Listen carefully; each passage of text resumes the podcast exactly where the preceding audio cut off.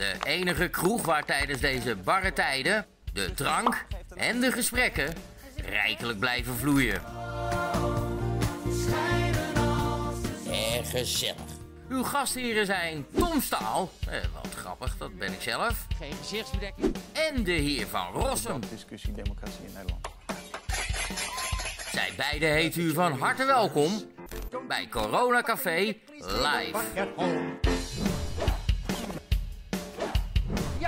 Goedenavond beste kijkers van Geen Stijl op het YouTube-kanaal. We zijn live met Corona Café live. We hebben het format van vorige week even overboord gegooid. Eh, we doen geen gekke dingen met Skype-gesprekken, dat lukte niet. Als het goed is, is het geluid stukken beter dan de vorige keer. En is ook de, eh, het beeld stukken beter.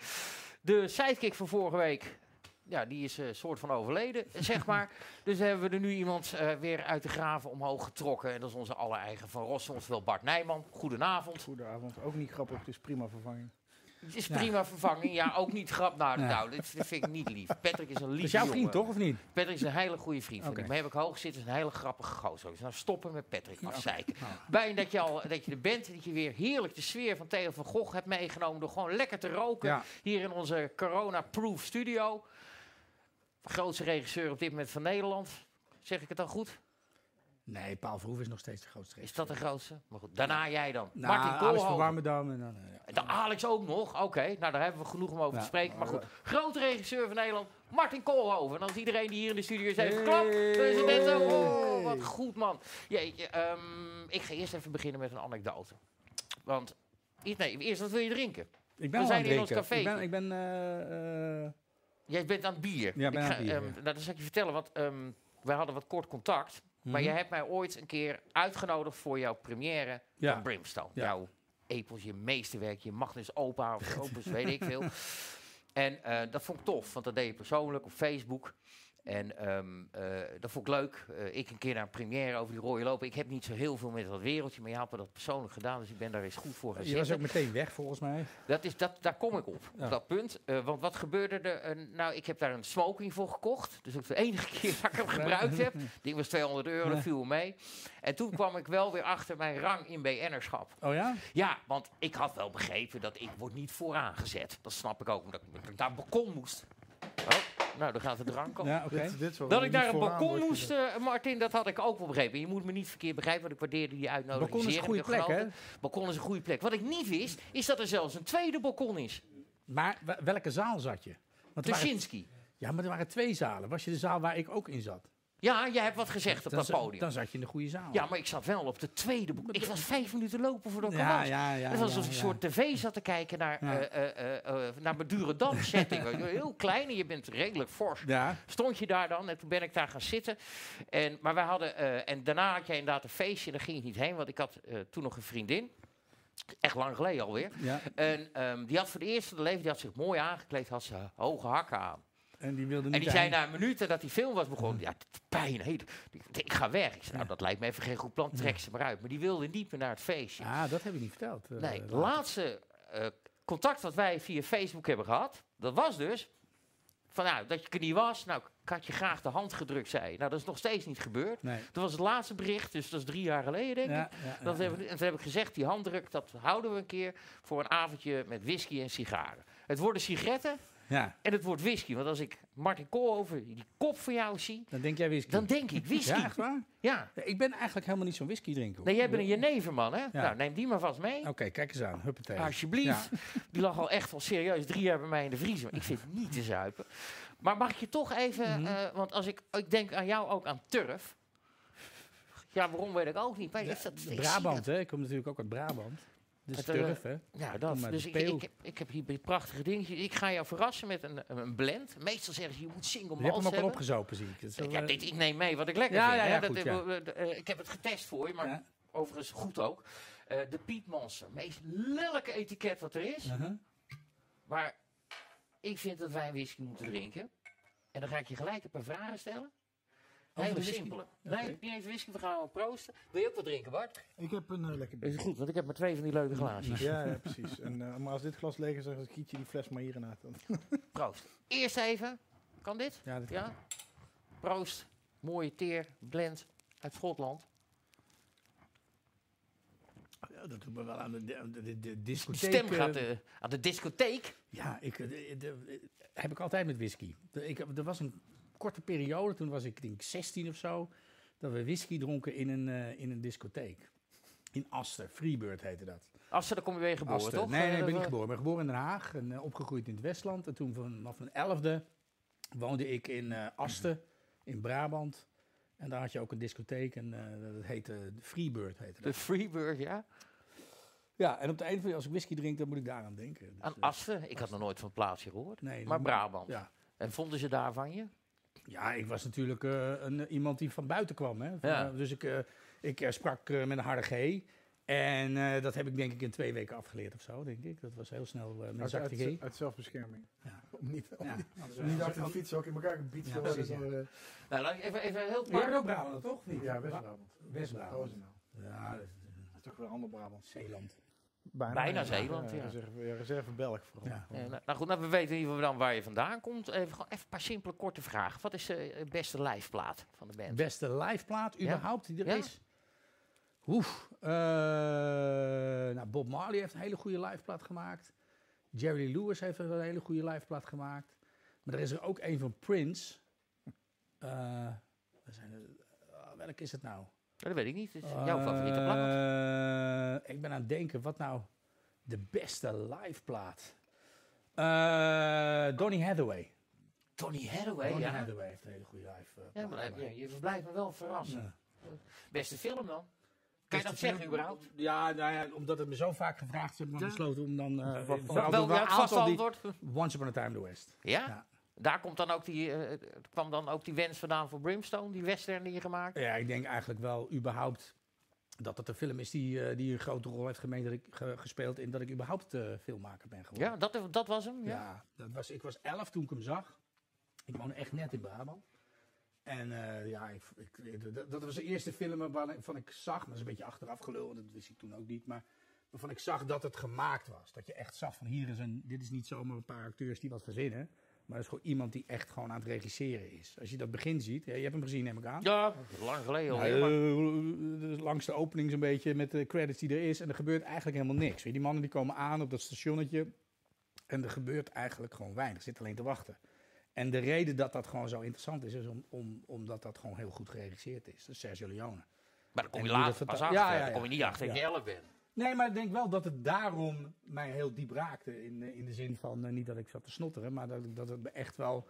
Dat ik, dat ik merk, dit is een andere film dan alles wat ik tot dan eh, gezien had. Ja. Dan brengen we dan ook eigenlijk gelijk bij de vraag, ehm, de, de filosofische vraag. Wat is film?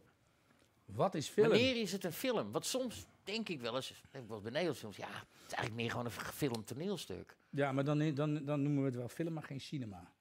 Auw, wacht Nee, even. Nee. Maar wa- wa- wat is, Nou, wanneer, hebt- wanneer is het ja, ja, het is eigenlijk heel flauw om, eh, om er een soort hiërarchie in te, in te maken. Want eh, heel veel van de films die ik eh, te gek vind, zijn niet per se allemaal films die, die als heel fantastisch te boek staan of stonden.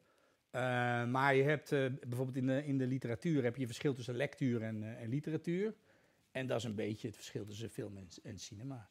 En cinema is volgens mij, als het een, een film is die, eh, die, die de, de cinematografische middelen gebruikt optimaal om een verhaal te vertellen. Dus beeld en wat jij bij geluid. Brimstone hebt gedaan.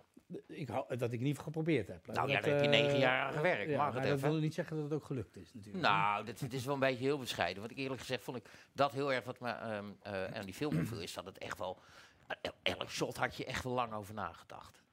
Qua hoe het stond en... en Nou ja, het probeert gewoon steeds iets te vertellen. Weet je, ik, het- ik, ik kreeg een van de groot tijdens het maken kreeg ik een heel groot compliment van de cameraman. Eigenlijk niet eens van hemzelf, want hij vertelde tegen mijn assistent. En hij had gezegd van nou, wat wel, wat, wat wel echt lekker is, is dat eh, als je, als je staat te draaien, dan bij elk shot zei elk shot is belangrijk. En dat is wel, eh, dat vond ik wel een groot compliment. Ja. Dus, ja, en hoe ben jij op de set? Ben jij, ben jij een soort Gordon Ramsay onder de filmregisseurs? Ben je Nou, dat heeft niet mensen- zoveel zin.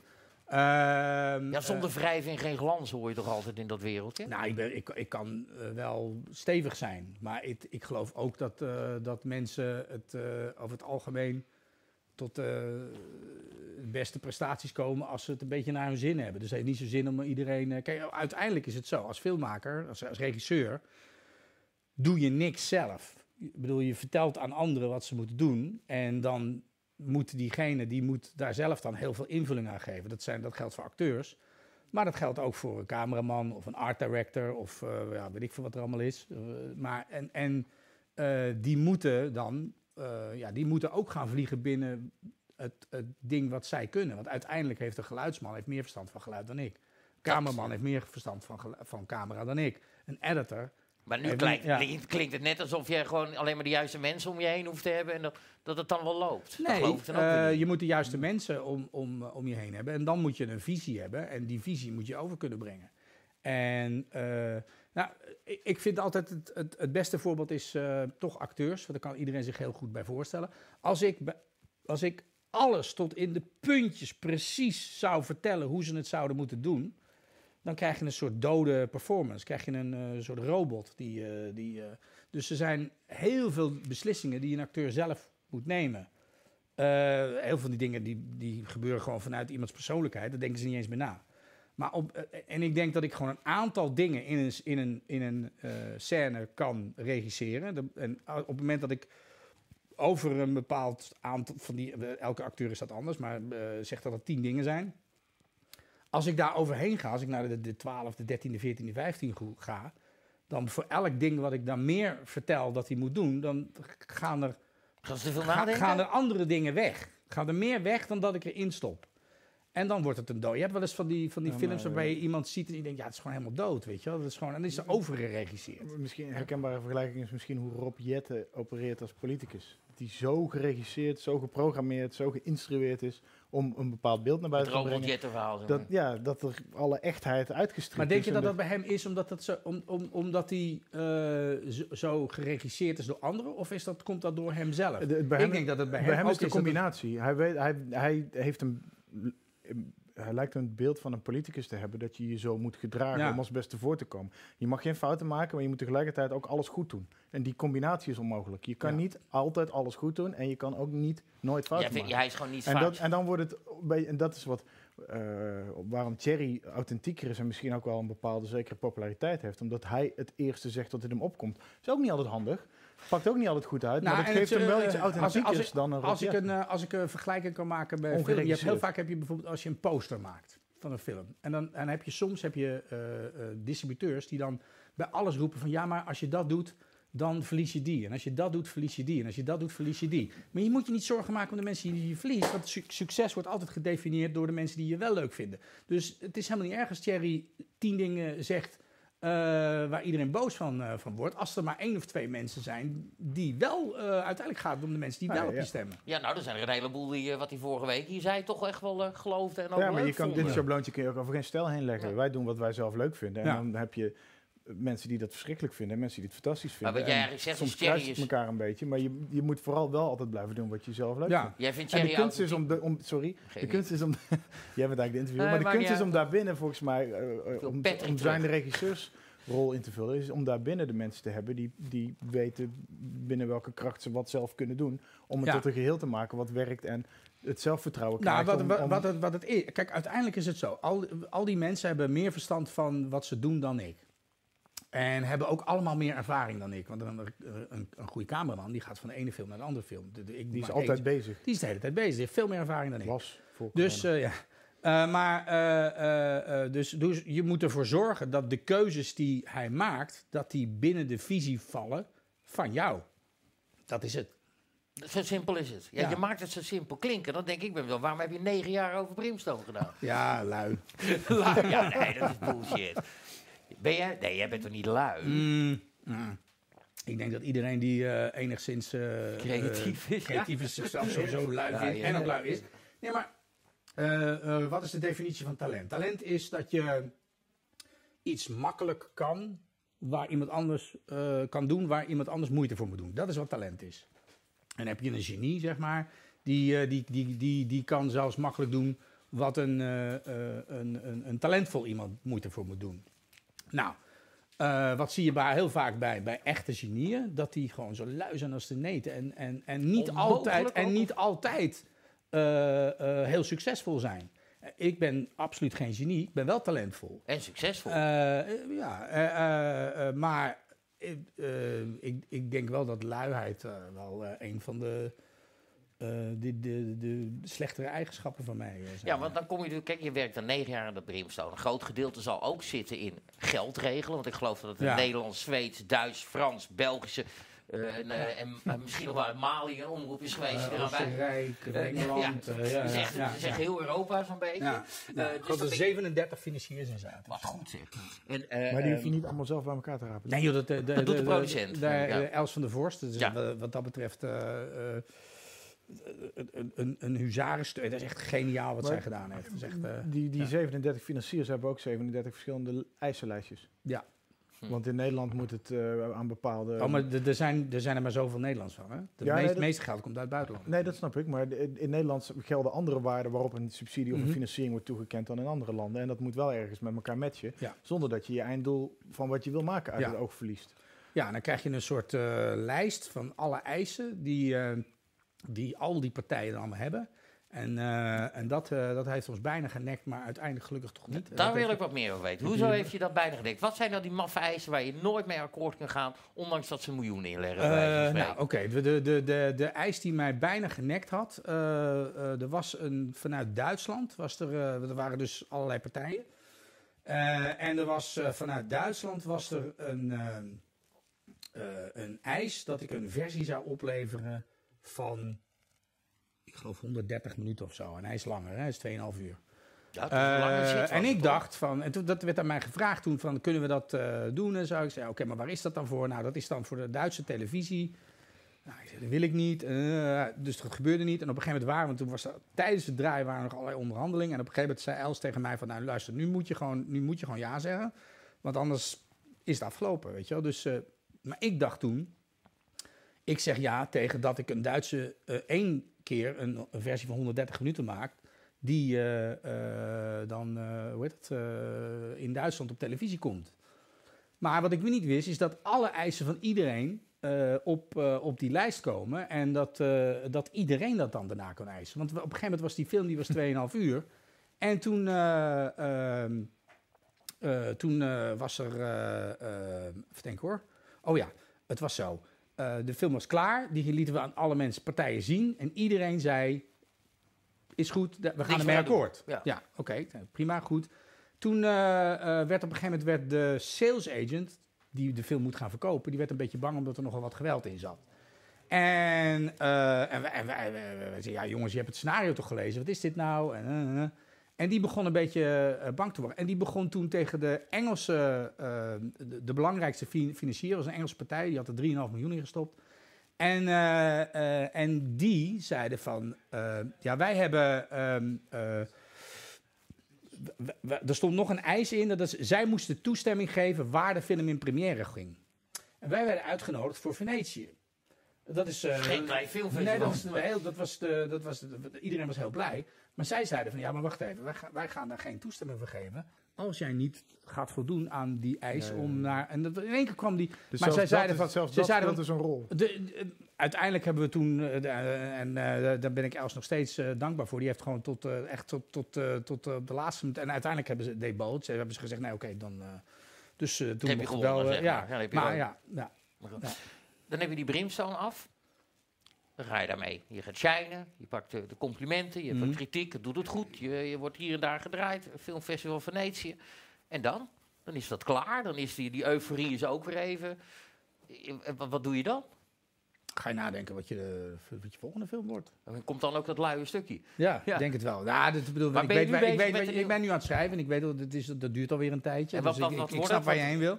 Eh, maar eh, eh, ja, dat heeft allerlei redenen dat dat, dat, dat lang duurt. Dat, dat zijn ook privé dingen. En ja, wel, Ja, om, om, de sprong, om de sprong naar corona en de huidige situatie te maken. Theoretisch heb je alle tijd van de wereld nu, want je zit alleen Ja. en je wilt mensen vermijden. Je kan nergens heen, je Ja. kan niet s'avonds naar de kroeg. maar ik heb ook Theoretisch kun je 12 uur per dag schrijven en verder niks. Maar zo werkt het natuurlijk niet. Nou, ten eerste heb ik eh, twee kinderen, dus ik ben nu eh, bijna fulltime leraar. Dat, is, eh, dat, is, dat, dat, eh, kost me Trek je dat? tijd. Nou, in het begin vond ik het zelf heel leuk. Nu, nu begint het punt te komen dat ik denk van ja, Hoe nou, oud zijn je kinderen? Ja. 9 en 11. En trekken zij jou als leraar? Oh ja hoor, zeker. Ja, nee, ik, weet ik weet niet hoe jij als papa bent. Ja, ja, ja ik doe natuurlijk samen met mijn vriendin. Alleen de afgelopen week, mijn vriendin is ook filmmaker, had zij eh, eh, een aantal eh, afspraken, allemaal via Skype, Maar ze, en toen moest ik dus wat meer doen. En eh, ja, ik, ik, ik, ik, vo- ik vond het best wel eh, pittig. Dat Ja? hoor, hoor je Ja. van alle ouders. Ja, de eerste één of twee weken vonden ze het leuk, want dan kunnen ze, zijn ze echt een keer actief betrokken bij wat hun kinderen doen. Waar ze toch vaak, zeker als het twee vrienden zijn, wat minder tijd voor Ja. hebben. Ja. En ineens ben je, zie je heel erg wat ze aan het doen zijn. Na twee weken denk je, oké, ja, nu weten we waarom ook een ander dat normaal gesproken doet. Ja. Want wij hebben onze eigen Zo is dingen. een vak apart hoor. Ja, Heer, ja, ja, dat zeker, sowieso, absoluut, maar ja. Als je ondertussen je eigen werk ook nog moet doen, dat Ja. eh, gaat... eh, Ja. Hij kan uh, lui achterover hangen als, als filmmaker, maar de Ja. meeste mensen hebben gewoon een kantoorbaan die Ja. Ja, thuis ja, sommige doorwerkt. mensen moeten stukjes stikken, Bart. Ja, Ja, Of, ja. of filmpjes maken. Maar waar ben je nu aan het schrijven? Kun je daar iets over vertellen? Ja, ik ben eh, een, eh, een, eh, een, ja, hoe zeg je het, een thriller, noir-achtige thriller, iets in de, in de film noir-achtig Mhm. eh, ding. En dat speelt zich af eh, in Indonesië in eh, 1946. Hoppa, dan kunnen we hier van naar buitenland om te filmen. Yes, een Ja, onafhankelijkheidsoorlog. als, als dat nog kan, hè. Ik bedoel, eh, Ja, tuurlijk komt dat. ja. Maar, ehm, wat ik zeg, nu kun je schrijven. Mhm. En dan geef je normaal, maar waar komt dan het inkomen vandaan? Of, of zit je dan gebakken voor een paar jaar met Brimstone? een hele platte eh, vraag misschien. hoor, ehm, maar, Nee, ik heb nu geen inkomen. Maar ehm, eh, op zich heb je... Als filmmaker ben je wel gewend om, eh, om periodes eh, zonder eh, inkomen te zitten. Alleen wat ik nu heb, is dat ik de, de, de, afgelopen, het afgelopen jaar waar ik het meeste geld mee verdiend heb, is voor bedrijven. dan, die, die, die, die vragen mij dan om dingen te komen vertellen over eh, eh, eh, leiding geven. Over wat heel hot is, is storytelling. Ja? En ik weet er best wat van. En ik heb daar ook wel, ik heb daar een soort, ja, wat, hoe zeg je dat, masterclass, workshop-achtig iets. En dat, eh, en dat doe ik. En dat, dat is best succesvol. Dus dat, daar verdien ik. Maar ja, dat kan nu allemaal niet. Dus Dat kan eh, niet. Nee, nee, nee. Dus ja, dan wordt het Maar daardoor heb ik wel ook wel een beetje Dat- een buffer. Dus dat, eh, Dat deed je samen met Eddie, toch? Eddie ja, ja, en Eddie doet dat niet zoveel meer. Maar ik, eh, ik heb dat best wel veel gedaan, ja. Maar ja, precies dat soort dingen liggen nu allemaal stil. Mhm. Dat zie je bij, bij Ja. Eh, veel, dat zie je in de journalistiek ook veel. Dat er eh, mensen vaak ook dagvoorzitterschapjes doen. Ja. Maar dat is Sprekers aan het bad ja. leiden, dat Ja. soort dingen. Nou, eerlijk gezegd pak je daar je centjes mee. Hoor. Nou ja, dat dat, maar dat geldt voor regisseurs of, of, commercials of eh, eh, weet ik voor alle. Ik, ik, ik eh, doe- ik deed ook eh, bij- eh, eh, dat ik inleidingen deed bij bioscopen en zo, weet je wel. Ja, dat is allemaal weg. Ja. Maar je hebt wel een tv-programma. Ja. Op de NPO 3. Ja. Dat is wel handig om Maar erbij dat te zeggen dat mensen dat nog kunnen vinden. Dat Ja, dat is- net dat bestaat af- van. afgelopen, toch? ja, maar je kan het online kan je het nog zien. Ja, ja. Overigens, Kijk staat- van Koolhoven, kun je gewoon kijken van Koolhoven intikken, VPRO. en Het is wel leuk, want dan ga je echt in beeld en dan zie je gewoon over die American Gangster, eh, daar deel 2 van. Dan kom je echt zo omhoog uit de berg kook, gewoon rechtstreeks Ja, uit die scène van, eh, van El Pacino Scarface. Daar heb ik wel heel hard om moeten lachen. Ja. Trouwens mensen, als u vragen heeft aan Martin Koolhoven, dat schijnt via YouTube comments te kunnen. Oh? Ehm, zeg het vooral en druk ook op het duimpje en dergelijke. Want ik wil, eh, ik, ik wil nog wel wat van, eh, van Martin weten. Want jij zegt het wordt een thriller noir. Als ik nou kijk naar wat jij gemaakt hebt, dan gaat het van Sneaks tot Paradijs. Suzy Q, zeg ik ook. Ja, gedaan, oorlogswinter. Ja. Ja, de tranentrekker natuurlijk. Ja. Ja, eh, en en, eh, en eh, Brimstone. ja. En dan komt er nu een thriller noir. Er is nou niet bepaald een labeltje op je te plakken. Nou, Ziet de Paradijs me trouwens kostelijk om verma- Nou, gelachen. Echt. Heel goed. Eh, ehm, ik denk eh, dat. eh, ehm, eh, als je in, in, de, in, de, in de film praat je dan over filmauteur, als je herkenbaar bent over wie je bent. Nou, trouwens, mijn, mijn editor die zegt dat, eh, dat als hij materiaal binnenkrijgt, dat hij meteen ziet dat het voor mij is. Maar het is wel zo man, dat ik. Nee, maar, dat, eh, maar dat is wel. eh, ehm, ehm, ik geloof wel dat ik vanaf Oorlogswinter een, mijn stem gevonden heb. Oorlogswinter, Brimstone en nu die volgende. Als ik nu kijk wat ik nu aan het schrijven ben. Het is wel veel, eh, het is niet zo zwaar als eh, Brimstone, maar er zitten wel ook wel weer heel veel. eh, ja, Brimstone is wel heel zwaar. Deze wordt veel minder zwaar. Ja, er wordt, maar er wordt dan meer thriller achter. Ja, ja oké. Dus het wordt een verhaal binnen een onafhankelijkheidsstrijd en niet het verhaal van de onafhankelijkheid. Helemaal niet. eh, eh, het is geen politieke film. Het is een, het is een misdaadverhaal. Alleen eh, er bloedt natuurlijk wel het een en ander het verhaal in. Maar Ja, het als je in Indonesië in die tijd gaat zitten, dan zal er wel iets van historie in zitten. Jawel, ik, ja. eh, alleen het, het, ik, heb een, ik heb een soort verhaal waarvan ik, eh, wa- wa- wa- waarvan ik dacht van wat is nou de beste setting?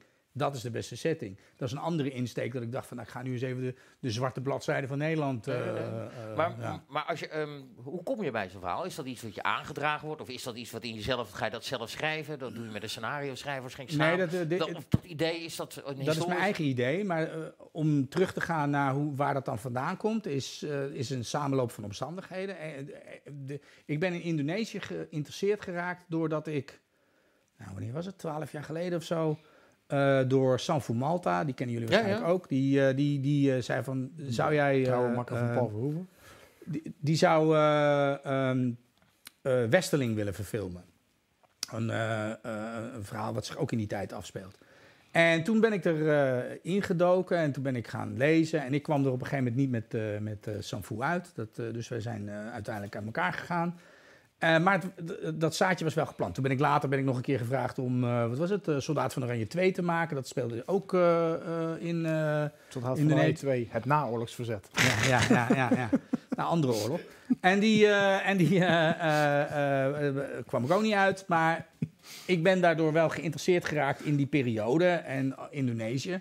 En ik ben er altijd over, over, over blijven lezen. En op een gegeven moment kreeg ik een idee wat veel meer een thriller was. En, en eh, toen dacht ik, ja, maar dat is eigenlijk gewoon de perfecte setting voor dat verhaal.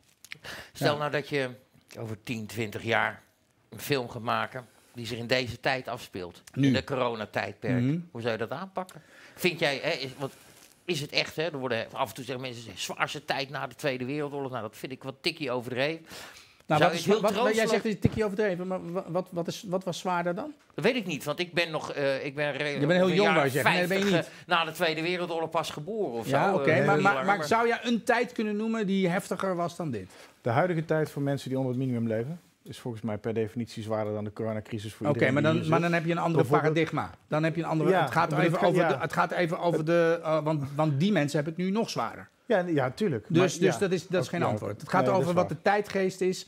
En eh, is er een Ik wil periode hier- geweest Ik wil die. hier ook niet ineens een soort van postcommunistisch pleidooi houden voor... Ja, doe het wel. Het Oh, leven ja, van de maar ik ik, bedoel, ga het weer een bingo kaartje Ik trigger, bijpakken. ik trigger inderdaad ook een beetje op die uitspraak dat dit het zwaarste sinds de Tweede Wereldoorlog. Nou ja, dit, Ja, maar ik kan de gewoon vergelijking gaat al vrij ver, zeg maar. Ja, Die ik oké, maar, maar, maar, maar- wat is dan zwaarder geweest? Nou, eh, Ja, nee, maar het is gewoon heel erg lang heel goed ik, gegaan. heb, ik, heb, ik heb heerlijk geskielerd op de snelweg in Ik vond 73. de, dus de, de oliecrisis finale tegen Spanje vond ik veel zwaarder in 2010. ja, maar dat was, dat was een, heb je een Ja. dag of twee, misschien heb jij er een week last van gehad. Dat is ook wat flauw, Ja. inderdaad. Maar je hebt een punt, als ik erover nadenk, zit ik, het- oh, sorry, zit ik eraan te denken... wat zou dan een zwaardere periode geweest kunnen zijn?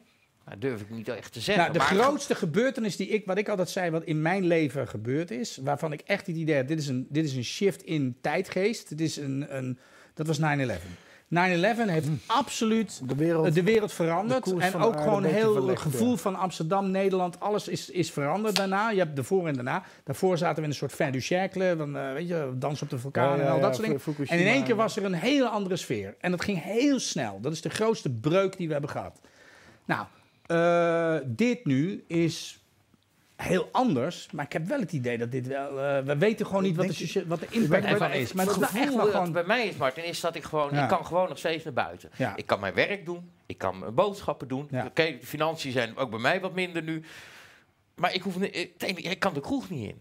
Dat, ja, is dat het, jongens? Maar ik kan nog steeds mijn vrienden zien. Ja, en ik kan niet naar mijn vader en naar mijn opa. Dat vind ik vervelend. Nou, maar je kan het ook omdraaien. Jij, jij zegt van, het is allemaal niet zo erg.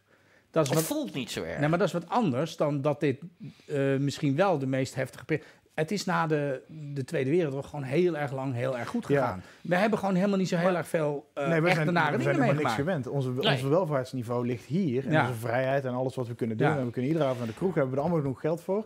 En als je daar een klein beetje van afhaalt, dan worden er al heel veel mensen heel Ja, daar terwijl je nog steeds, wat jij zegt, je kan naar buiten, je kan naar de supermarkt. Je kan ook heus wel bij mensen thuis afspreken. Je kan een beetje dit afstand doen. houden en dit doen, inderdaad. Ja, maar het klinkt ook een beetje, even, ik ben even advocaat van de duivel, hè, dat er eh, in, eh, in Gro- eh, Gelderland of zo allerlei mensen waren in de Tweede Wereldoorlog en die zeiden, ja, ik kan ook gewoon nog steeds over straat en dingen. Ja.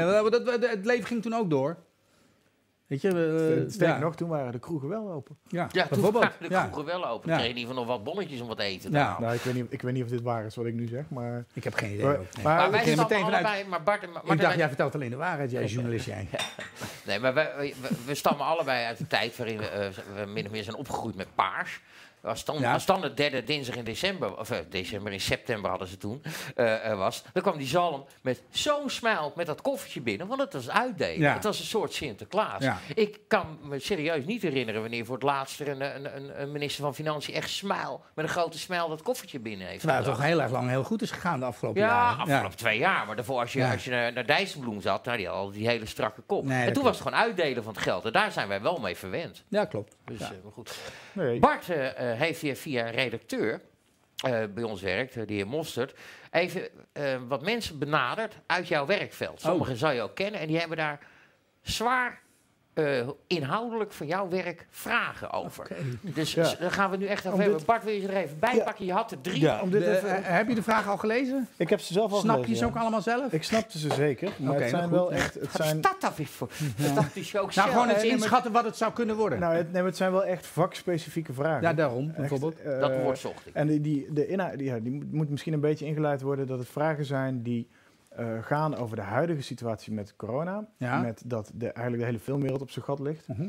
Eh, dat er geen, eh, dat er ook voor, zeker voor mensen achter de schermen.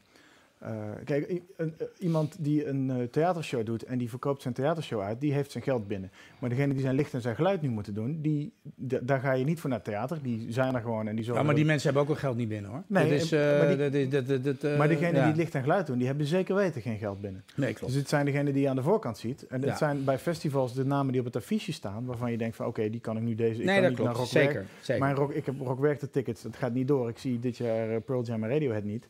Maar al die mensen die achter de schermen die festivals runnen Ja. en die achter de schermen filmopnames maken, commercials maken, series maken, dat zijn degenen die je nooit ziet. En dat is ook de bedoeling van de hele illusie van film en muziek en de beleving van festivals. Die zitten allemaal werkloos thuis. Een beetje vanuit die gedachte over hoe dat weer opgestart moet worden, heb ik, hebben we drie vragen die alle drie heel inhoudelijk zijn. En die ik één voor één aan je ga stellen en die je één voor één mag beantwoorden. De eerste vraag is van Marcel Visbeen, regisseur, jou bekend denk Ken ik. ik, ja. Die zegt, ik ga, ik ga het gewoon voorlezen. Ik ben eh, namelijk geen eh, vak, eh, ik zit niet in dit vak. En sanering is voor een regisseur een belangrijk middel om iets te vertellen over de relatie tussen twee personages en hoe die zich ontwikkelt. Een dialoog op anderhalve meter vertelt iets anders dan dezelfde dialoog op fluisterafstand. Net zoals een two-shot een ander gevoel geeft dan twee singles. De afstand tussen twee acteurs kun je natuurlijk een beetje manipuleren door het gebruik van verschillende lenzen, maar dat lijkt me nooit toereikend. Hoe denkt Martin daarover? Qua, hoe los je dat op als je uit de lockdown wil komen in een anderhalve meter samenleving Ja, en je vak weer op wil pakken? Nou, ehm, dit is iets wat, eh, wat heel erg speelt eh, op dit moment natuurlijk in de, in de, in de filmwereld. Eh, ehm, hij heeft helemaal gelijk. Dat is, dat is niet iets wat je zomaar... Hè, je kan niet met, een, met, met een lange lenzen dat ze dan dichter bij elkaar lijken en weet ik veel allemaal. Ik geloof, ik geloof niet dat dat heel erg... eh, eh, goed werkt. Maar dat is iets waar heel veel mensen op dit moment... Het Filmfonds bijvoorbeeld is daar ook mee bezig. Die is ook over na aan het denken van hoe gaan we dit oplossen. Er zijn los van de, van de financiële problemen... is het ook op, op, als er dan op een gegeven moment een, een, een anderhalve meter economie komt... hoe gaan we dan, ga, kunnen wij dan wel weer filmen, weet je wel? Je, moet een illusie van een illusie hebben. Eh, en, en ik heb de... Ik, ik heb daar, je moet niet van mij verwachten dat ik daar nu een antwoord op heb. Maar ik heb Oh. wel allerlei eh, eh, eh, wilde ideeën gehoord. we wel op ingezet. Het wildste idee, vond ik, en die vond ik wel goed, is dat, dat iedereen dus op de set... Nou ja, wat je nu al hebt in de wereld, is zijn commercials waarin iedereen één voor één steeds dingen klaarzet en weet je wel. Maar dat zijn meestal dingen waarin je ook wel dingen, mensen inderdaad los kan filmen en zo. Eh, eh, maar, eh, ehm, eh, de- wat is de incubatietijd? Is, eh, Twee weken of twee zo, weken of zo. Dus het slimste is als je een film doet die, die nou zeg twee, drie maanden eh, draait. De acteurs in quarantaine, twee weken vooraf. Iedereen eh, eh, eh, zit daarin. En dan eh, iedereen die op de set is, want om iedereen in quarantaine te doen, dat is misschien een beetje te veel, hoewel ik dat ook nog wel een optie vind. Ehm, eh, dan ehm, ja, de- iedereen met mondkapjes en allemaal iedereen op afstand. En eh, dat, dat, dat, dat zou in principe te doen moeten zijn. Onder dezelfde voorwaarden. alleen het, eh, dat betekent dat, dat dat gaat wel minder snel. Dus dat, dat- je, je zal de draaidagen, je zal meer draaidagen nodig hebben. Er zal gewoon meer geld nodig zijn, al dat soort dingen. Dat zijn de dingen dus. Ik, toevallig heb ik vandaag met de directeur van het Filmfonds gesproken. En die, eh, die zei dat ze daar dus over na aan het denken zijn. Ja. Toch, Geld is sowieso vaak al een beetje een issue natuurlijk. Want Ja. we moeten- Ja. En onder dezelfde voorwaarden zou je in de theorie ook de Eredivisie af kunnen maken. Gewoon al die voetbalteams even twee weken in quarantaine zetten. Iedereen die gezond blijft kan het veld op zonder publiek. Ja, alleen dan moet je wel elke Toch week die- en dan moet je, dan moet je zo inderdaad. Ja, je moet wel. maar zijn- ja, het grappige is, dat is wel grappig, dat, dat, dat zegt ook iets. Dat ik denk van een acteur die wil best wel gewoon twee weken gewoon van zijn gezin weg. Om, en dan twee maanden, drie maanden. Want fucking, dat is een acteur. Maar bij, bij voetballers. eh, Maar eigenlijk ja, wat je ja. nu zegt, is dat een beetje waar men ook al op aan het hinten is. eh, eh, eh, dat je dus zeg maar clubjes mensen hebt die ergens wel naar binnen mogen, niet naar binnen mogen, omdat ze coronavrij Ja, zijn of immu- corona-immuun of hoe je het ook wil noemen. En die, want wat je schetst kan eigenlijk voor elke weer, voor, Nou ja, kan voor de bierbrouwer, voor de fabriek. Als je het weet. Ja, maar dan moet je wel afgesloten van. Kijk, waarom ik het zeg, in, acteur, in, in onze wereld is dit niet heel erg anders dan wat je. Dan wat je wij, gaan, wij, wij gaan naar het buitenland of weet ik veel wat, we gaan draaien, zitten in hotels, zijn al weg van onze familie. Dus twee weken langer. Dat is niet. eh, alleen eh, eh, buiten het draaien om heb je normaal gesproken ook nog wel een soort van sociaal leven. Maar eh, eh, ja, ik weet niet of ze dat bij de bierbrouwer, bierbrouwerij ook eh, totaal willen opgeven. Om, eh, Nou, maar Om- op een gegeven moment wil je toch weer een om hun product heilige maken. missie van het brouwen van een goed biertje te. Ja. nou, Ja, nou dat zegt wel iets over eh, de, de, de Toewijding, commi- commitment van het, onze... zijn de- het zullen de toegewijden zijn die deze crisis overleven. Zoiets, ja. maar denk je dat, hoe heet hij, Schipveen? Nee? Eh, Marcel Visbeen. Visbeen, dat hij eh, tevreden is met zijn antwoord? Ik vind, dit, ik vind deze oplossing klinkt in ieder geval als praktisch eh, en haalbaar. Ja. Ja. Want het, je geld kan- is dan het is volgens mij, ja precies. is altijd en, bij en de, tijd ook. En, Daar en, gaan we het zo ook nog wel even over hebben. Maar eh, volgens mij is dit een, een praktisch logischer oplossing dan proberen om een illusie van een illusie te maken. Door Ja. te suggereren dat mensen die Nee. tegen elkaar fluisteren van dichtbij toch op anderhalve meter zitten. En dan dat je toch moet suggereren dat ze wel Ja. et cetera. Dan denk ik dat dit een beter is inderdaad. Ja. We gaan door naar vraag 2. Vraag 2. En die is van Janneke Marcus. En die is setdresser.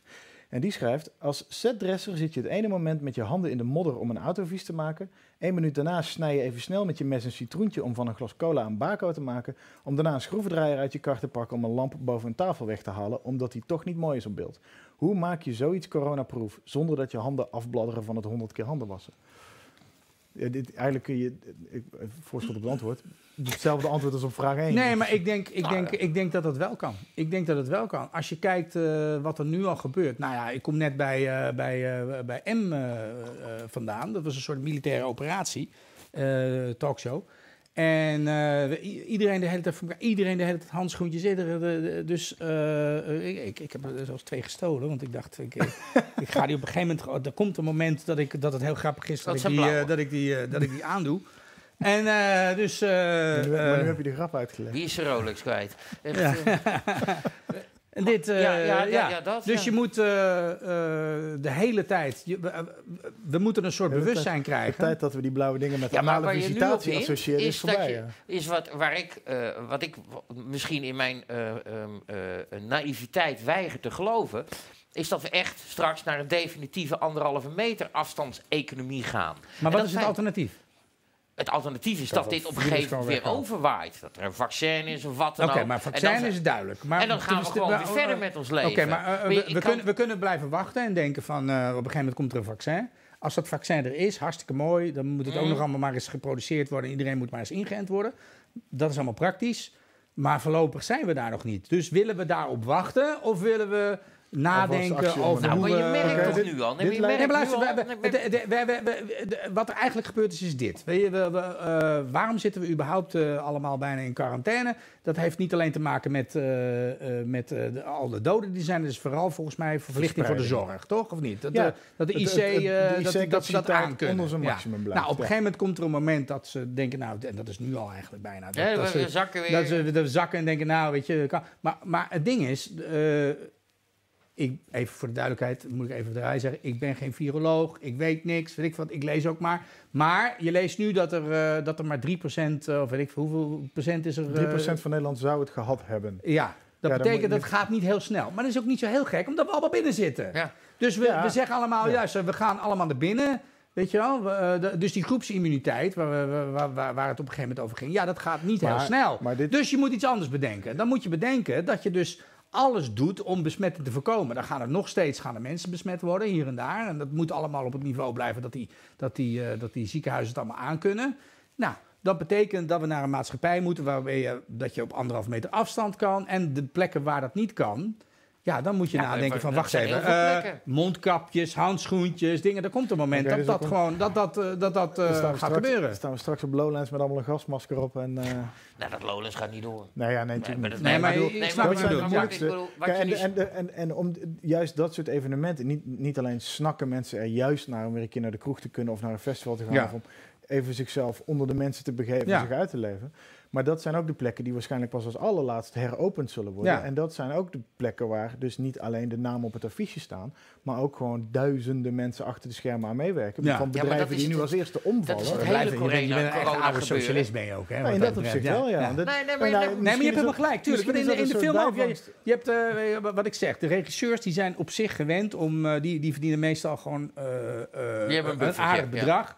Eh, als je dat per uur uitrekent, verdienen al die lui allemaal eh, beter wat dat betreft. Maar die hebben dan wel een, een, een, een, een, eh, een, een flink bedrag.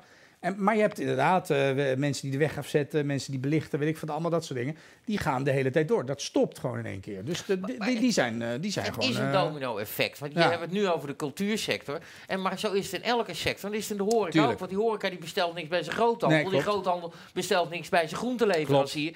Dat, en dat, dan gaan we best nog wel een zware Zoals- tijd tegemoet. Nee, tuurlijk. Alleen- want, eh, alleen- jij kan zeggen, jij kan jouw werk doen in principe. Je hebt helemaal Ja, niks. Jij kan in principe allemaal. Ik zou wel eens een dag rust willen. zeg Nee, nee, precies. Nee, maar, maar jij bent. flauw, Jij, zitten, hè? jullie, jullie zijn bij uitstek natuurlijk mensen die pas later, op het moment wanneer, want jullie leven van de reclame, die, eh, die, eh, Ja, ja, dus nou op het moment dat die bedrijven geraakt worden, waar gaan ze op bezuinigen? Op jullie. Ja, Nou, ja, ja, dat gewoon merk je nu het niet. algemeen. Maar kijk, er zijn, het, is heel logisch. Dat er zijn eh, producten die, eh, bedrijven die online hun spullen verkopen, zoals een bol.com, die gaan als een trein nu. Ja, precies. Gaan Ja, ik hoorde dat, eh, dat ook Dus supermarkten een miljard meer. eh, die ja. hebben kerstomzetten keer drie, et cetera. En wij, hebben, dus wij, wij profiteren daar, enerzijds profiteren we daarvan. Ik zal niet te veel kijkje in de keuken geven, maar enerzijds, wij zijn online, dus wij kunnen ook online schakelen. Anderzijds hebben wij... In welke zin profiteer je ervan? Dat er meer kijkers, of dat, er, dat je meer hits hebt. Ja, en dat er dus... ja, nog maar, maar, en- maar, maar, maar daardoor verdien je nog niet meer. Nou, wij opereren op een gebied waar mensen eh, online dingen verkopen. Eh, Ah, eh, ja, dus die... Ja, maar ja. weet om in de filmsector te blijven. Pathé, adverteert bij ons. En die, eh, hun thuisstreams, ja, daar kijken mensen nu meer Ja. naar, want ze zijn meer thuis. Ja, precies. Maar ik dus die hebben daar een budget voor. Maar er zijn Ja. anderen die, die eh, om, omdat hele sectoren stil liggen, hun eigen advertentiebudgetten ook bevroren hebben. En dat is... Dat is Ben ik nou de enige die rookt hier? Of, eh, Ja. eh, Maar dat geeft niks. Rook, ik heb er geen last van, jongen. Maar sigaret? als we nou even naar die, cultuur, naar die cultuursector kijken. Weet je dat ik eigenlijk ook, en als ik het ook even de journalistiek er ook even Want op zich zijn jullie niet de grootste vrienden, hè? Want even, ik wil even...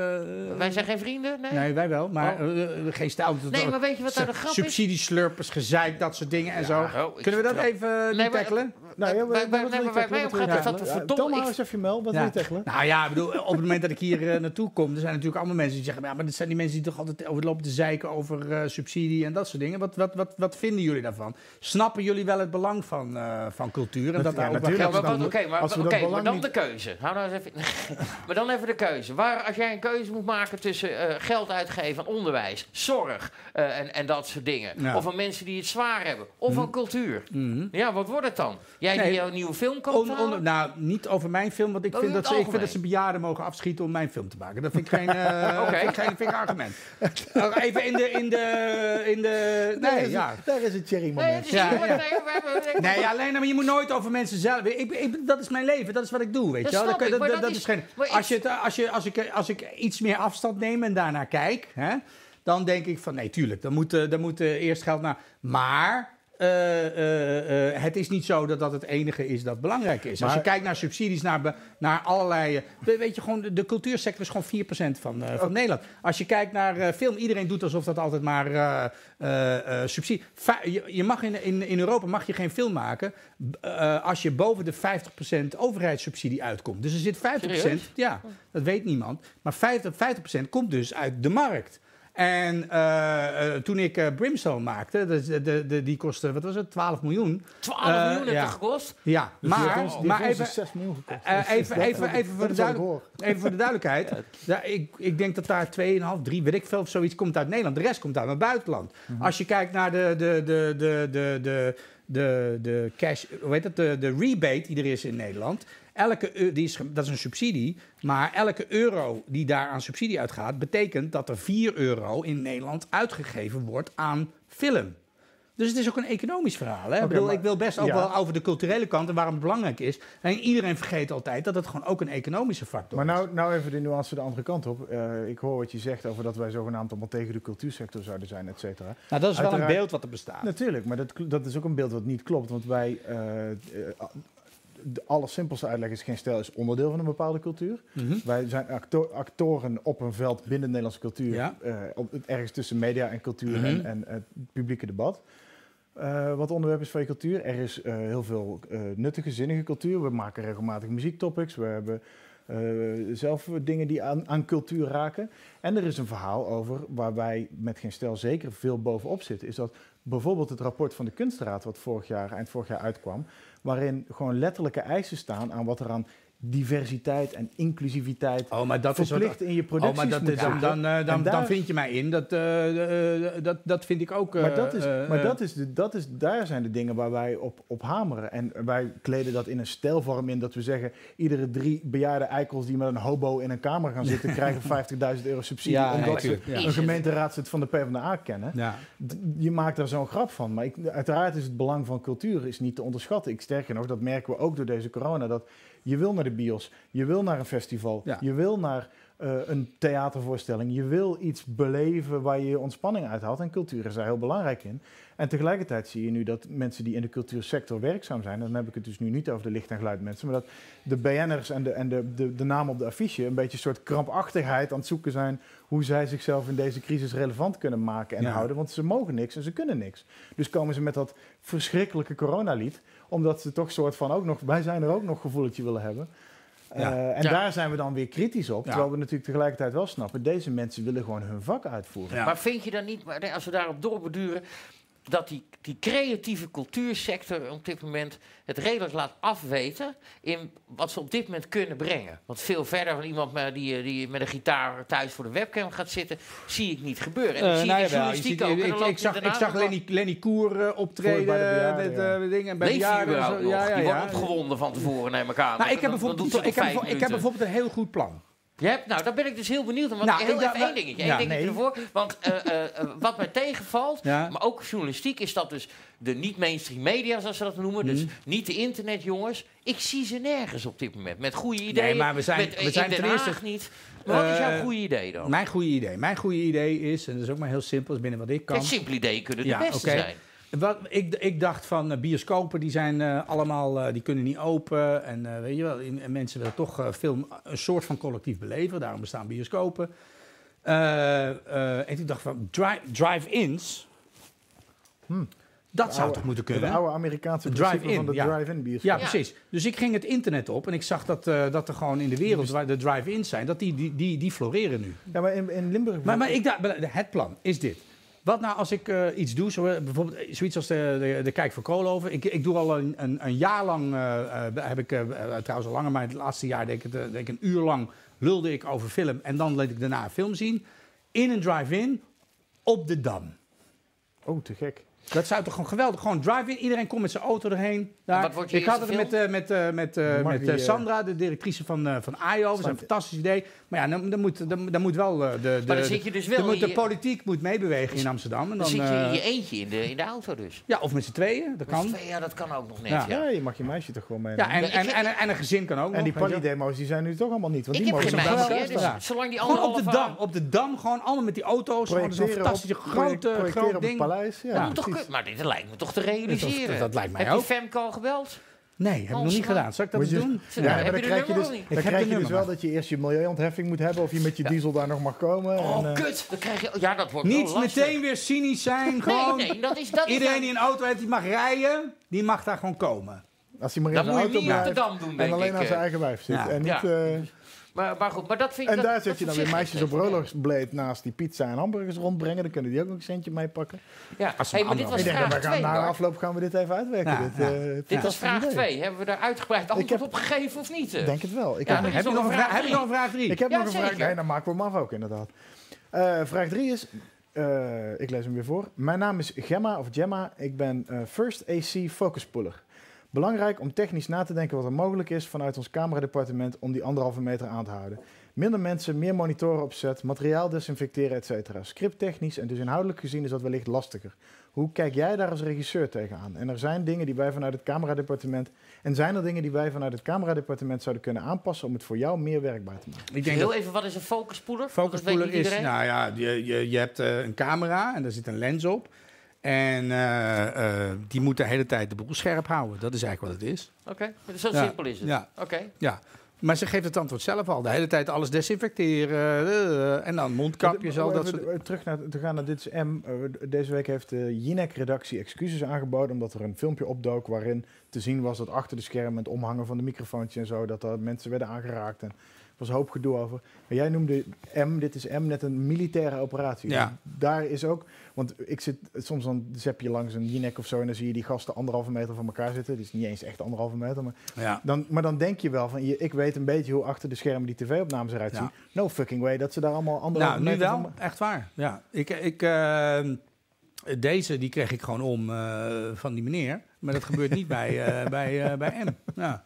Ik dacht dat je het toch echt zelf deed. Nee, nee, nee, nee. Ik kon, ik kon niet achter mij staan. goed Ik hoop dat hij eh, ik hoop dat hij een beetje... eh, Gezond. Ja, we zijn kennen allemaal kerngezond. Jonge, jonge viriele ja. mensen. allemaal Dat is, de- maar, maar dat is de eerste persoon in weet ik het hoe lang die dicht bij mij is geweest. Dus als ik het krijg, weten jullie dat die gozer mij... Oké, Oké, nou, ja, dan zijn we bij allemaal voorbaat- wel de lul. Bij nu. voorbaat excuses als we meneer Koolhoven moeten afleggen binnen nu en een paar weken. Maar Ja.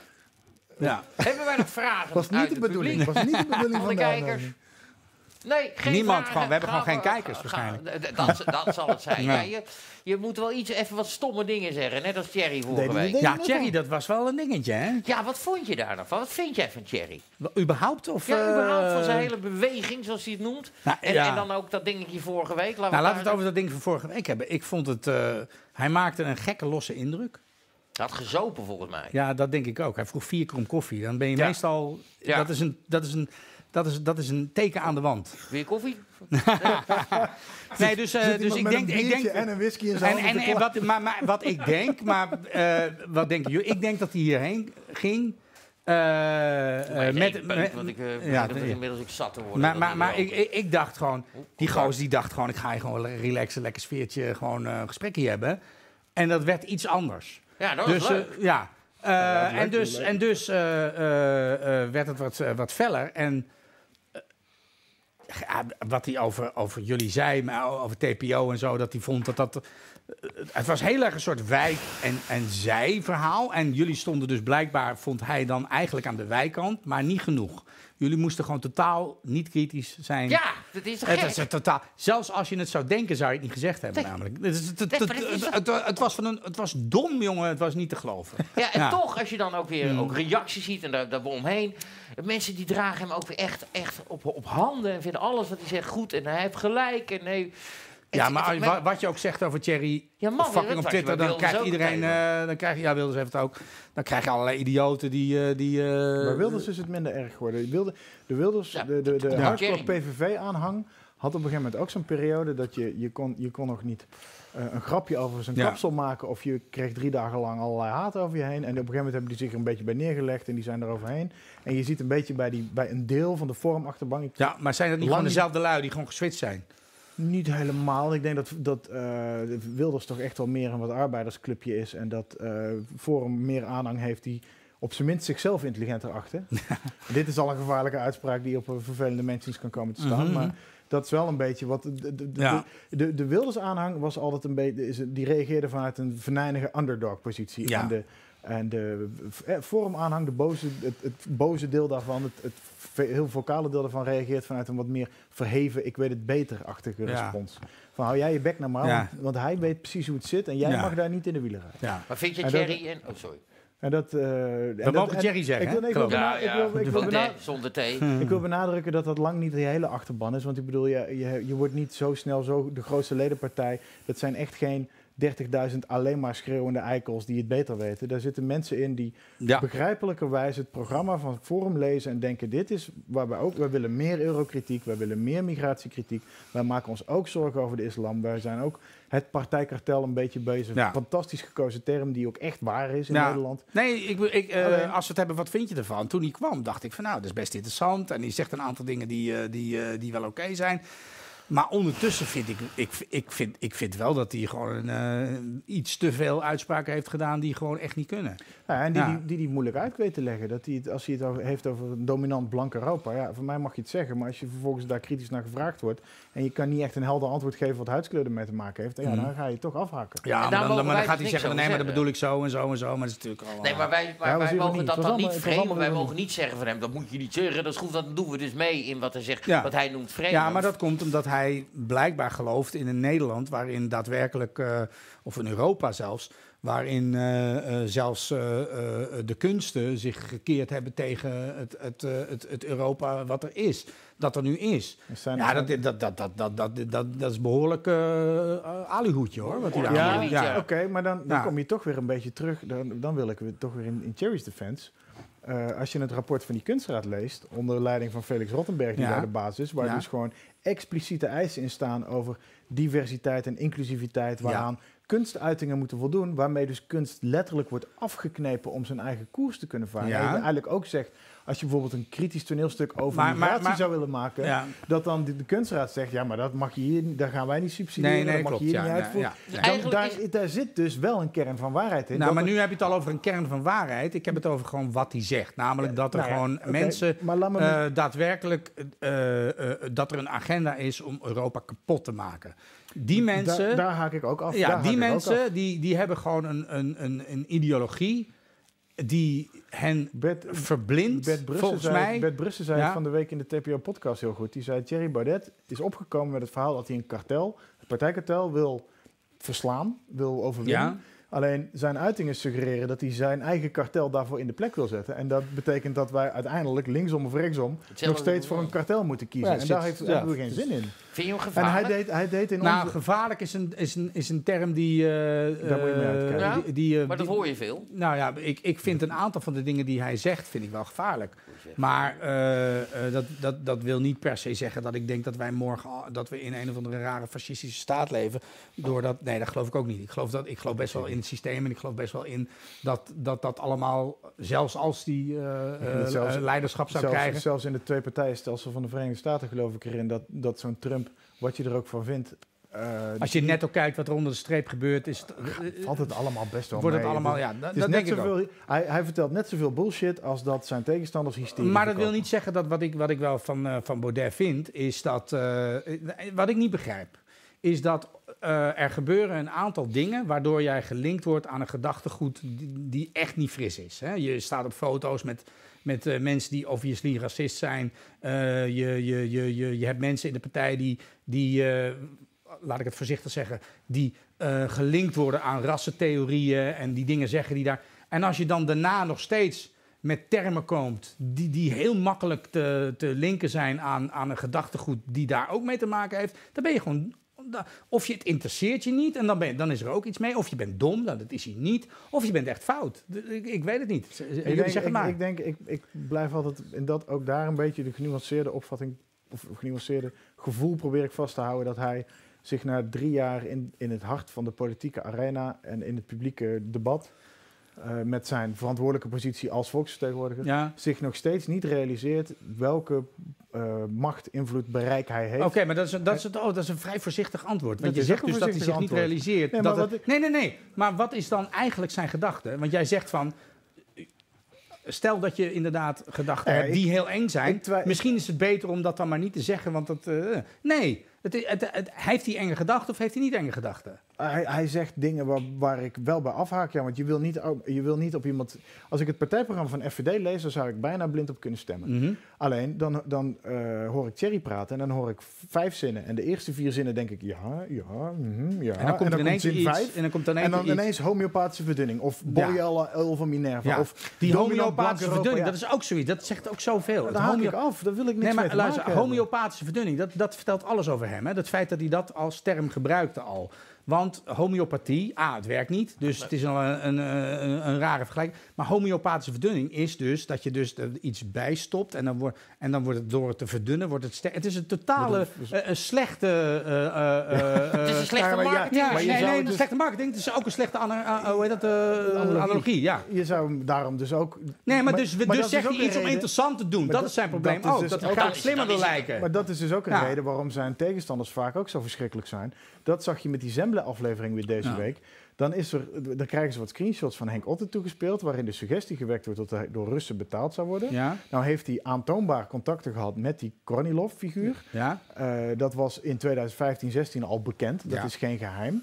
Het is onduidelijk wat de rol van die Kornilov precies is. Er worden in appjes ironische eh, allusions, verwijzingen gemaakt naar betaling door de Russen. Nou, nu ga Iets- je wel met zijn verhaal mee. Iets dat wat, nee, is, wacht, maar- laat me uitpraten. Dat was, dat was in, die, in die referendumtijd werd dat de hele tijd Ik gezegd. heb dat meegemaakt met jou. mensen- inderdaad, er er werden, toen ook die- inderdaad eh, De- de grapjes gemaakt. de NRC stond dagelijks vol met de suggestie dat wij Poetins agenda aan het uitvoeren waren. Ja, klopt, Onze ja. respons was Ja. dat wij een rode telefoon, hij staat daarnaast je toevallig, Ja, kochten, daar Poetins foto op plakte, drie klokken aan de muur hingen, torentje, Moskou en Brussel. En in die van Brussel hadden we geen batterijen gestopt en die hadden we stilgezet op 5 voor 12. ja. Dat waren onze uh, Nee, ik snap, ik, ik snap, ik snap jij, nu- jij nu- hier anders in. Want, ik snap omdat jij dat heel even afmaken. Nu probeerde Zembla probeerde aan de hand van die ironische berichtjes Niet als, alleen dat. alsnog een punt te maken Nee, dat niet Thierry dat. betaald zou Nee, zijn. nee, maar hadden geen smoking gun. Maar wat niet dan? Er was geen smoking gun, dat is waar. Dat is uiteindelijk, Dat is heel eh, belangrijk. dat is, dat is is, heel uiteindelijk- dat is ook de reden dat waarom hij het van tevoren al, denk ik, al eh, eh, publiek heeft gemaakt. Omdat iedereen dacht van, oké, maar dan wil ik ook bewijs zien. Hè? En dat kwam er niet, Mhm. van de betalingen. Wat wel bewezen is, is dat hij onder invloed stond. Maar dat wisten we al. Nee, maar dat echt, weten nee, we maar al. echt, maar echt Snee voor Gersten zeg je, het is oud nieuws. Eh, eh, Ja, dat die- is geen die- Dat nieuws. verhaal van die 50. Dan mag je, je mag het daarover eh, hebben. eh, ik wil niet zeggen dat je het daar niet Ja. over mag hebben. Alleen in dit specifieke geval was dat niet nieuw. En als je dan, Nou, het is, je het- ik heb het nog nooit zo duidelijk achter elkaar. Ik vond het wel een, eh, een, eh, een, een uitzending die, eh, die eh, de moeite waard was. Het is alleen jammer dat de smoking was- gun voor de betalingen er niet waren. Ja, en dus Wat blijft het smoking- bij wel- Er is wel duidelijke invloed geweest. Maar dat is- er is hij heeft dingen gezegd eh, eh, die eh, vanuit Rusland aan hem toegereikt zijn. Die totaal, waarvan hij niet wist dat ze überhaupt waar zijn. maar dat zegt nou, iets- dan, dan, maar dan ben je gewoon een fucking pion. Klaar. Ja, maar dat zegt iets Ja. over zijn, over zijn eh, eventuele beïnvloedbaarheid. Maar dat bewijst dus nog niks over betaling. En Ja, oké, maar is dat dan het verschil- enige interessant of die betaald is of niet? Jawel, want, als je, ja, betaald, ja, want als je betaald wordt, dan, dan, niemand, dan krijg je dat quid pro quo verhaal waar Ja. Trump zo mee in. Ik ja. krijg het bijna niet uit mijn strot. Quid Ja. pro quo verhaal waar Ja. Trump zo mee in de problemen kwam. Ja. Want je kan best een, je kan best, eh, je kan ook met een Rus of met een Turk of met, met een jihadist ideeën uitwisselen waarvan je dan bij bepaalde opvattingen Ja, maar denkt op van, het moment dat je weet dat die, die, G- dat die nou ja, dat, dat maar als, nee, kijk, als een is jihadist met jou en je gaat gewoon dingen uitspreken waarvan je zelf niet eens weet of ze een- waar zijn, vind groot- ik echt wel, Ja, vind ik echt maar wel gewoon kwalijk. Eh, Zet de Twitter eens aan en, en 90% van de mensen zegt heel... Maar ik, ik heb het niet over iedereen 90% van de mensen, ik heb het over iemand die nu gewoon... Nee, dat eh, ja, eh, maar dan ja. ben ik terug bij mijn punt dat Thierry dus na die drie jaar nog steeds niet door lijkt te hebben wat zijn rol, positie en verantwoordelijkheid is als leider van een partij met 40.000 leden of 30.000 leden, met politieke posities in alle delen van het land, die zelfs naar aanleiding van onze uitzending van vorige week in Brabant weer allerlei journalistieke vragen, want daar gaat Forum voor Democratie in de provinciale staten, hebben ze een Ja. coalitie gevormd, krijgen al die eh, lokale of provinciale bestuurders daar weer vragen, heb je gezien wat je partijleider gezegd heeft? Ja. En dat is een verantwoordelijkheid die hij steeds maar lijkt te vergeten of niet Het gaat niet alleen om de verantwoordelijkheid, het gaat ook om dat het gewoon fout is. Eh, ja, nee, Ja. De, ja, de vragen die Zelfs gesteld... zonder verantwoordelijkheid. Ja, nee, maar de Oh. vragen die gesteld worden zijn terecht. Van, hey, uw partijleider noemt eh, het CDA en de VVD vijanden van dit land. Mensen Ja. die Nederland vernietigen. En u zit er hiermee in een coalitie. Hoe kijkt u daar tegenaan? Natuurlijk gaan ze dat vragen. Dat is zijn probleem, dat hij, dat hij maar niet lijkt te beseffen... dat je dus dat soort onzin niet moet debiteren... of uit moet leggen waarom je het zegt. Beter uit moet leggen waarom je het zegt. Zullen we en anderen dan, dit en punt? anderen dan vervolgens kunnen Zijn zeggen... we nou, Laatste Nee, punt. Nee, joh, we zijn nog helemaal niet klaar. Maar ik Oh. wil even stoppen met over Oh. Thierry Baudet Oh. praten. We zitten nou tien minuten over Thierry te praten. We hebben vorige week een uur met hem gesproken. Ja. Dat gaf al genoeg onzin. En ik wil me, ehm, eh, nog even met jou praten. Ja, over, over wat jij, want welke politieke kleur... Zo. Welke politieke kleur zit je, heb jij zelf? Ik ga gewoon steeds meer. eh, eh, nou, ik, ik, ik denk dat ik waar ik het meest voor gestemd heb, is toch Partij van de Arbeid. En, ik, en, en als ik nu zou Dat moeten is stemmen, zou ik dat weer doen. verrassend. Oh, nee. Ja, ik sta er ook niet van te kijken, nee. Nee? nee. En sta je daar nog achter? Heb je de laatste keer op ze gestemd? Wat was de laatste Dan keer? ben je echt een van de weinigen Nee, wat, geweest. wat was de laatste keer ook weer? Eh, negen, eh, negen zeven- zetels, eh 2017. Asscher. Drie jaar geleden. Vier, ja, 2017. Ja, heb ik ook gestemd, ja.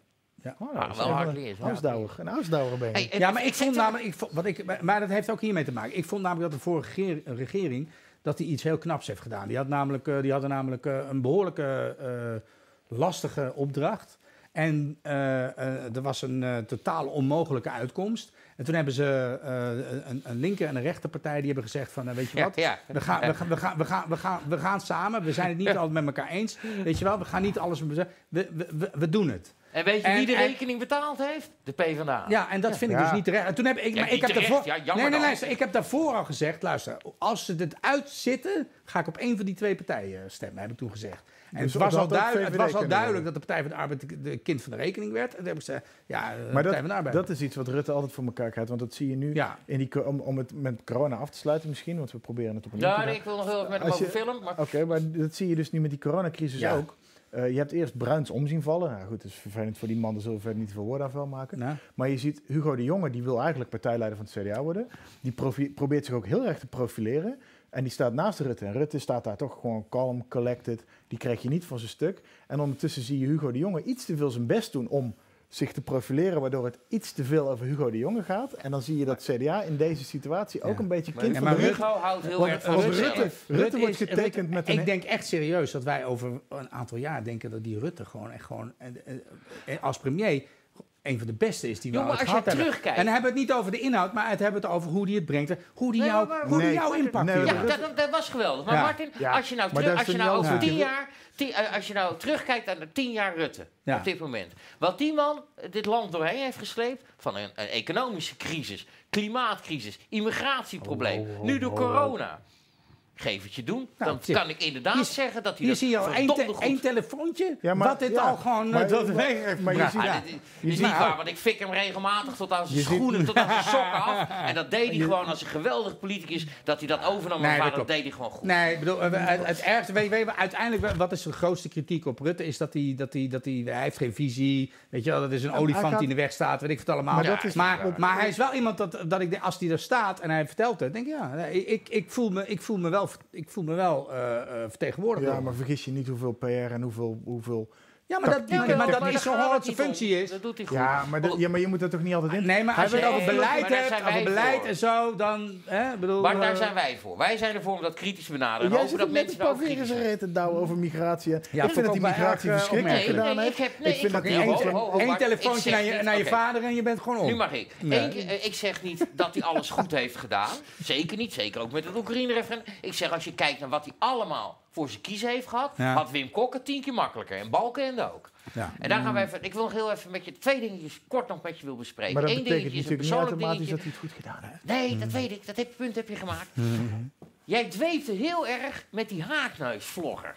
Die Ismail Ilko. Ja, ja, ja. Dat is Nou, die gozer die is uiteindelijk in het salafisme beland. Ja. Ik vond het ook eigenlijk ook niet eens een onaardige gozer. Want wat hij deed is eigenlijk een beetje wat wij ook doen. Gewoon een beetje reltrappen, Ja. weet je. doe- Oh, we hebben nooit een prima. bedreigd, Maar- eh, Tom. Eh, eh, Weet- weet dat ik het uit- eens- weet dat ik het uitleg? maar- maar- Ik vroeg, dus jij gaat daar dan vrolijk en Matthijs van Nieuwkerk ook. Ja. Ondertussen is die gozer natuurlijk afge... eh, niemand heeft het meer over. Hij zit in het salafisme en weet ik het allemaal. En ik hoor niemand er meer over.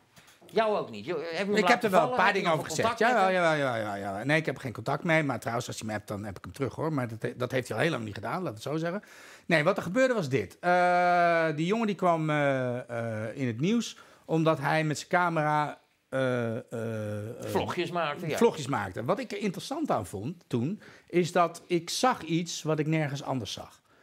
Eh, hij kon namelijk gewoon eh, met zijn camera komen waar niemand anders mag komen. Eens. En, eh, want die worden weggeslagen of weggegooid. Of weet je, AD deed dat goed om hem Precies. toen... eh, Nee, maar dat was daarvoor nog, veel verder voor. En ik vond dat interessant om te zien. En hij eh, kreeg eh, aanhang, mensen die keken ernaar. eh, hè. en eh, eh, toen eh, gebeurden een aantal dingen waardoor hij eh, minder goed in het nieuws kwam. Kwam ook op televisie en eh, dat, dat deed hij ook allemaal niet handig. Toen heeft hij daar ook sorry voor gezegd. Anyway, wat er gebeurde Hij was... later hij, gezegd ja, dat hij dat klopt, maar dat wist ik toen allemaal niet. Toen, wat, Oh. hij, we- luister, wat er gebeurde was dit. Hij appte mij persoonlijk. En hij zei van, ik, hallo, ik wil graag eh, met jou praten. Ik wil graag mijn leven beteren. Nou, ik vind dat je, als je je deur dichtgooit voor, voor dat soort dingen, dan is het klaar. Weet je wel? Nee, we kunnen gewoon zeggen van, luister, we gaan alle, we, weet je, al die eh, eh, lui die we, die we, natuurlijk vind ik eh, dingen vervelend die jij ook vervelend vindt. Maar die jongen die kwam naar mij en die zei van, ik wil dit. En wat doe je dan? Dan zeg ik, nou oké, goed, gaan we afspreken. En, doen, en, nou, en daar is een foto uitgekomen en die, die is op Twitter rondgegaan en weet ik wat. En ik dacht van, Stel nou dat het zo is dat iemand die omgaat met, eh, die groeit op in een bepaald milieu en die, eh, die, eh, die, die, die ziet verkeerde dingen en zo en die zegt van ik wil mijn leven beteren.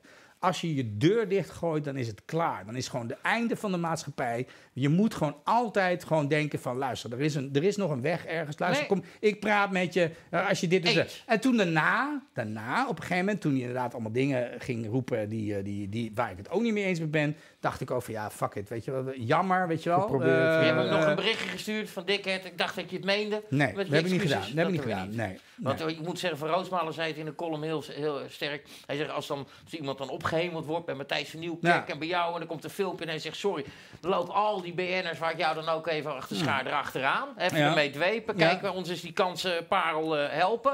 En op het moment dat, je, eh, dat, die, dat iedereen hem laat vallen... want iedereen heeft hem laten vallen, niemand heeft het meer over... Dat, dat zegt dan daar nou, maar laten vallen is weer wat anders. Hè? Ik bedoel, het, het, het, het- wat moet dan... eh, ik, ik, ik heb een paar keer getweet van de- dat ik... eh, dat, Nee, dat ik kut gewoon, vind hij dat- heeft gewoon gelogen tegen je. Nou, weet je, dat... eh, eh, ehm, je moet het... eh, hij zei dat hij de... de, de, de wat was het ook weer? De, dat, dat hij eh, de sorry niet helemaal meende en zo. Ja. Ik moet je eerlijk zeggen. Ik zei toen hij bij mij kwam, toen in de eerste instantie... Ik vind dat je dat, dit, dat niet moet doen. Ik vind nou- Nee, ik, vind, ik vind dat jij maar geen sorry moet zeggen. Ja. Want ik vond namelijk dat hij helemaal niet zo heel erg veel verkeerd had gedaan. Dan weet Nou ik wel ja, dat weet allemaal... je wat het ook wel is, Nee, hè, vond ik niet. man? Nee, maar, nee, nee. maar die Turkse jochies die gaan op een, eh, op een politieauto springen daar in, eh hij in, staat in Nee, joh, maar in Turkije kom je niet eens in de buurt van die politieauto. Dan heb je al drie wapenstokken in je nek. En Heb je gelijk in, maar vind ik geen argument. Oh, Maar- maar, ik heb de derde van het Nee. raadslid, dat ze met een Ja. auto voor de... Nee, dat klopt. Had hij, ja. had hij, heeft hij wat eh, dingen tegen haar geroepen. Eh, Cameraploeg van ja, SB6 de wijk. Ja, ga- gast was, We gaan- was we gaan richting 17 einde. of zo, weet je wel. Ik- hoor juist wel, Ja, dat, ik hoor ja. juist wel dat je die deur niet dicht moet smijten. En dat Ja. als hij zegt dat hij het anders wil doen, et cetera. Maar dat moet, je moet ook niet... Wat Nee, hij wat er toen daar gebeurde, wat hij, hij werd tuigvlogger genoemd. Dat was ook, ah, dan moet je het ook allemaal bij elkaar nemen. Oh ja, maar... oké, Tuigvlogger ja. was eigenlijk een term die, die, Als- die voor iemand anders bedoeld was. Uiteindelijk werd het op hem geprojecteerd. En, eh, uiteindelijk werd, hij, werd alle dingen die al die lui die hij op de camera neemt, werd een- dat werd aan hem eh, toegekend dat hij dat allemaal fout heeft gedaan. Dus die sorry, Nee, was, een, dus die sorry was een gimmick. Tuurlijk werd- was dat een gimmick. Hij werd het gezicht, of liever gezegd de neus van een bepaalde bevol- bevolkingsgroep die, eh, die, die snel onder, eh, onder zware Ja. kritiek ligt of erger. En dat, en dat maakte hij, hij deed in eerste instantie niet echt zijn best om dat minder te maken. Toen even wel. En Ik vind, laat het zo om het aan de algemeenheid te zetten, ik vind dat je, dat, je, dat je moet proberen om naar de toekomst te kijken en al die, de- alles wat we kut Marokkaans en weet ik wat allemaal doen, dat we die in ieder geval godverdomme gewoon een kans moeten geven om zich te beteren. Ja, maar dat moeten En we dat is mijn rol, dat heb ik geprobeerd. En wat jij zegt klopt En het is wel. jammerlijk dat mislukt, van dat wil ik ook nog wel Nee, zeggen. maar van het AD Ja. vond ik het ook heel goed. Zij, hij Ja. krijgt in die wijk, en ik zeg dat tegen in Utrecht ook tegen RTV Utrecht wel eens. Haal nou eens zo'n jochie Ja, uit die tuurlijk. wijk en ga die, geef die zo'n vlogcamera. Tuurlijk. Die krijgt, als ik met Precies, mijn roze microfoon kanalen in Absoluut, ga, toen- krijg ik geen interview. Toen, toen Jantje Roos voor eh, geen stijl ergens kwam, Wie? toen... eh, Die dikke uit Bergen. Oh, die bollen. Die, bollen. eh, die, ja, die in elkaar geslagen was door de Precies. kookdealer. Die met Dat die hij een stukje had geschreven.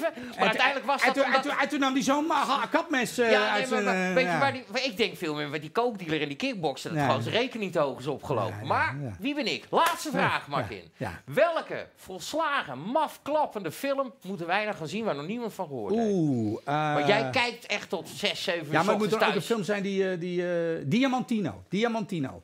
Want, Diamantino is een verslagen, mafklapperige film.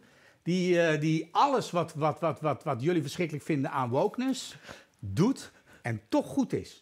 Oké, Geweldige en wie heeft die film zijn, gemaakt? eh, God, een van de Portugees. Ik weet niet hoe die heet. Maar ja, je een de, hoofd- de, hoofd- de hoofdrol, eh, de hoofdrol is eigenlijk een soort eh, Ronaldo-achtige figuur... die totaal misbruikt wordt door allerlui eromheen. En Die het, is, die- het is fantastisch. Het Diamantino. Diamantino. we- die moeten we gewoon even illegaal daar Ja, ik weet niet hoe je eraan komt. Of- Geen of idee. we bellen jou Ja, geen idee hoe je eraan komt. Helemaal goed. Mag, ik- mag ik je hartelijk danken? We proosten nog één keer even met de whisky. Leuk dat je er was. We hebben zo'n beetje alles wel besproken. Bart ook, hoe valt het als sidekick? Ik, eh, ik moet leren vaker mijn mond houden als sidekick. Ja, dat zeggen ze tegen mij al, al, al, al tien jaar inmiddels. Bart, dat ik eerder mijn mond houden. Beste voor- kijkers, Voor de boeken, ik heb maar twee bier op. Dat, eh, Nee, inder- inderdaad. Beste kijkers, ik vond het weer een geweldig Corona Café live. We gaan het volgende week weer doen om 9 uur eh, op Geen Stijl, op YouTube van Geen Stijl. En ik wil heel hartelijk bedanken. Bart Nijman, klap allemaal! Yay!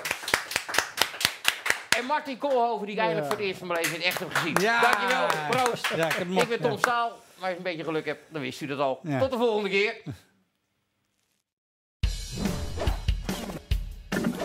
Oh, sorry, dat mag niet meer. Sorry, sorry. Nee, nee, oh, oh. Welkom bij Corona Café Live.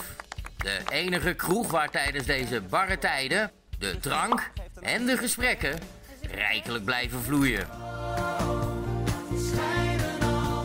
En gezellig. Uw gastheren zijn Tom Staal, eh, wat grappig, dat ben ik zelf, Geen gezichtsbedekking. en de heer van Rossum. discussie democratie in Nederland. Zij beiden heet u van harte welkom bij Corona Café Live.